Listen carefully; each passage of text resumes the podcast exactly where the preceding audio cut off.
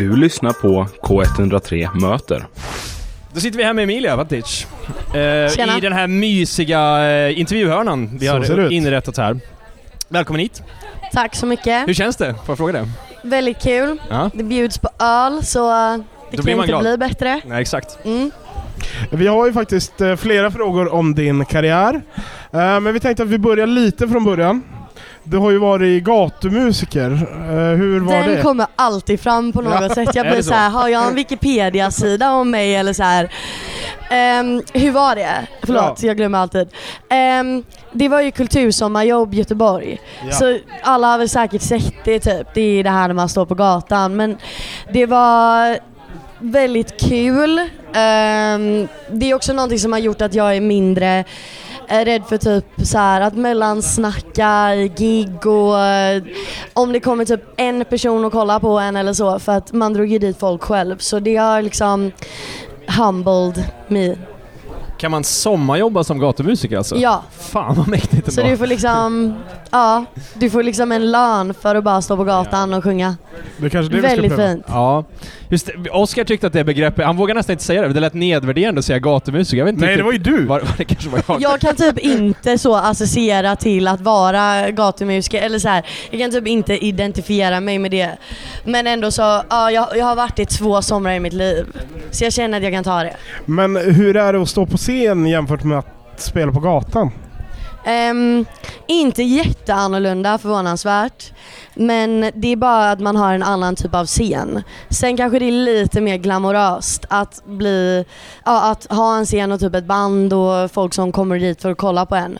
Men annars är det inte jätteannorlunda typ. Mm. Du nämnde, vi pratade tidigare om mellansnack här, och att du har blivit bättre på det av att vara gatumusiker. Hur, Ja. hur blir man bättre av att vara gatumusiker på mellansnack? Har man Men- det som gatumusiker också? Ja, alltså jag märkte att, ehm, att gigga inte bara är att sjunga och spela utan det är mycket om att även få in publik genom att typ prata med dem. Eh, och jag märkte också mycket att så här, om man var tyst så gick det ju inte. Så ehm, det, jag vet inte, alltså det var, det var ett sätt för att få folk att bli lite mer hängivna eller komma in och kolla på en. Och det är någonting jag utvecklat sen dess. Men skriver du dem på förhand eller kommer de bara på uppstuds? Alltså, nu eh, tänker jag inte avslöja här min Du har någon taktik. slags secret Nej, jag skojar bara. Nej, men eh, ibland kan jag förbereda någonting i huvudet. Men ibland så kommer det också bara lite spontant. Alltså man får mer ta det som det kommer, men det kan vara skönt att veta ungefär vad man ska säga ibland. Och sen så började du alltså lägga upp egenskriven musik på TikTok. Ja. Eh, skulle du beskriva dig själv som en TikTok-artist? Nej, alltså det här är någonting jag försökt fly från. Det är därför jag inte, alltså jag har inte uppdaterat jättemycket på TikTok inom senaste. Åka här som står bredvid, han har varit offer för att få filma de här videosarna och vara med. Vi spelar in en TikTok idag. Ehm, Men så, uppdaterar du eller? ja men jag uppdaterar ändå men inte så, inte så med jämna mellanrum. Men eh, jag är väldigt glad över den responsen jag fått på TikTok. Men jag var rädd för att man skulle sitta så i intervjuer och att folk skulle se mig som en TikTokare mer än en musiker. Så det var därför jag valde att liksom ta lite avstånd. Men det är såklart, ja det är jättefint vart man än hittar folk och så. Men har det varit ett, ett bra sätt att få spridning på något sätt eller? Ja. Eh, alltså bara nu idag så har jag liksom lyssnare som kommit hit, typ Tilda och Vilma som står här framför mig. Shootout! De hittade mig på TikTok med min Ni är första här för video. TikTok-artisten alltså? Nej du, du kan inte säga TikTok-artisten alltså, förlåt, det förlåt. säger du allt. Nej jag skojar. Det är ett begrepp man inte vill eh, hållas nej. med eller? Nej men exakt, men eh, så liksom jag är jättetacksam över de lyssnarna jag har fått på det sättet och jag kommer säkert få fler lyssnare på det sättet. Ehm, och jag kommer inte sluta uppdatera det där. Men jag bara vill inte att det ska vara min enda plattform typ. Just det. Inget hate mot TikTok, älskar TikTok. Älskar TikTok. Ja, ja visst. Skriver, du läste också att du skriver låtar i dagboksformat, stämmer det? Ja, eller ja. Det är typ Jan Gradvall som har sagt det på det här sättet. Är det han kanske. som har lablat dig som Jag dagboks... vet inte om det var typ mitt eh, skivbolag eller om det var han som sa det först. Men jag tror vi menar, eller att jag menar när jag säger något sånt, att jag skriver väldigt personligt. Och att jag eh, är ganska detaljerad, kan ha med händelser eller repliker eller så. Så på det sättet så blir det ganska från hjärtat när jag skriver. Men det är, inte, det är inte texter från din dagbok så att säga? Nej, alltså jag skriver dagbok men inte lika ofta som jag skriver låtar så um, det blir inte riktigt så. Varför fastnade Jan Gradvall för detta? ja, jag har ingen aning men han skrev ju första gången jag släppte låt så skrev han en, ja, en liten artikel där han jämförde något sånt med mig. Så man blev ju hedrad. Mm. Det är ändå stort Jan Gradvall. Ja det var stort, stort moment. Din eh, senaste singel, Säg det som du menar det, heter den. Ja. Berätta om den. Ja, Vad är det för ja, låt? vad vill du? Vad är det för låt? Ehm, det var, för det första var det första låten jag skrev med Åke. Ehm, ja, tack. Bra applåd till Åke.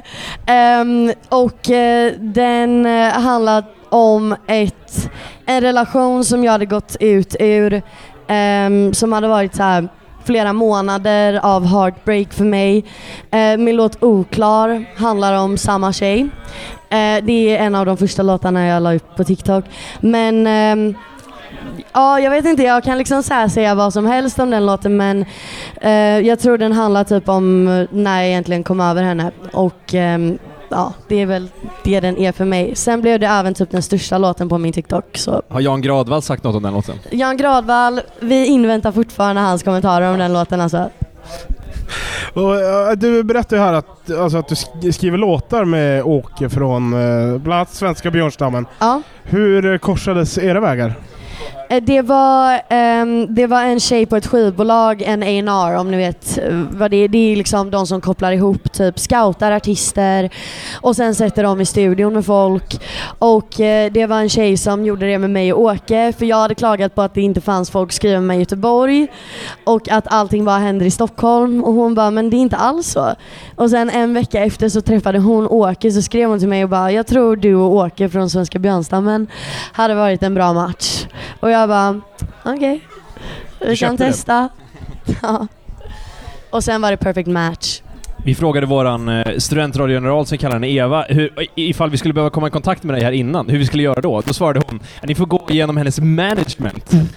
Du har ett management? Ja, eller en manager. Ja, Fan vad sjukt eller? Ja, ändå lite så glamoröst. Då kan man säga att man är en riktig artist. Men vad gör hon?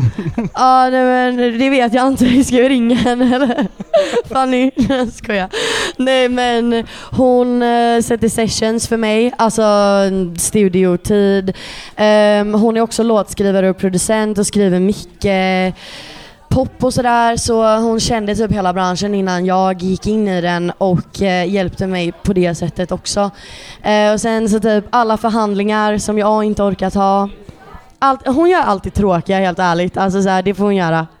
Så får hon lön för det. Så om ni vill komma i kontakt med henne så tycker jag att ni ska vända er till hennes management. Absolut. Ja. Ni kan trakassera Fanny Hultman. Och sen här kommer en grej. Det här är mer intressant för mig än för någon annan. Mm. Joel Ige följer dig på Instagram. Ja. Känner du honom? ja, men lite. Hur Eller då? alltså grejen var att Victor Lexell och jag träffades, eller så här, vi hördes. Och sen så tror jag han började prata om mig till Joel. Och så började han följa mig. Sen dess har vi setts. Jag har fått lista på Spybar, Norsen Chow, allt det där som man vill få. Har du någon följdfråga på det eller? Jag vill ju fråga.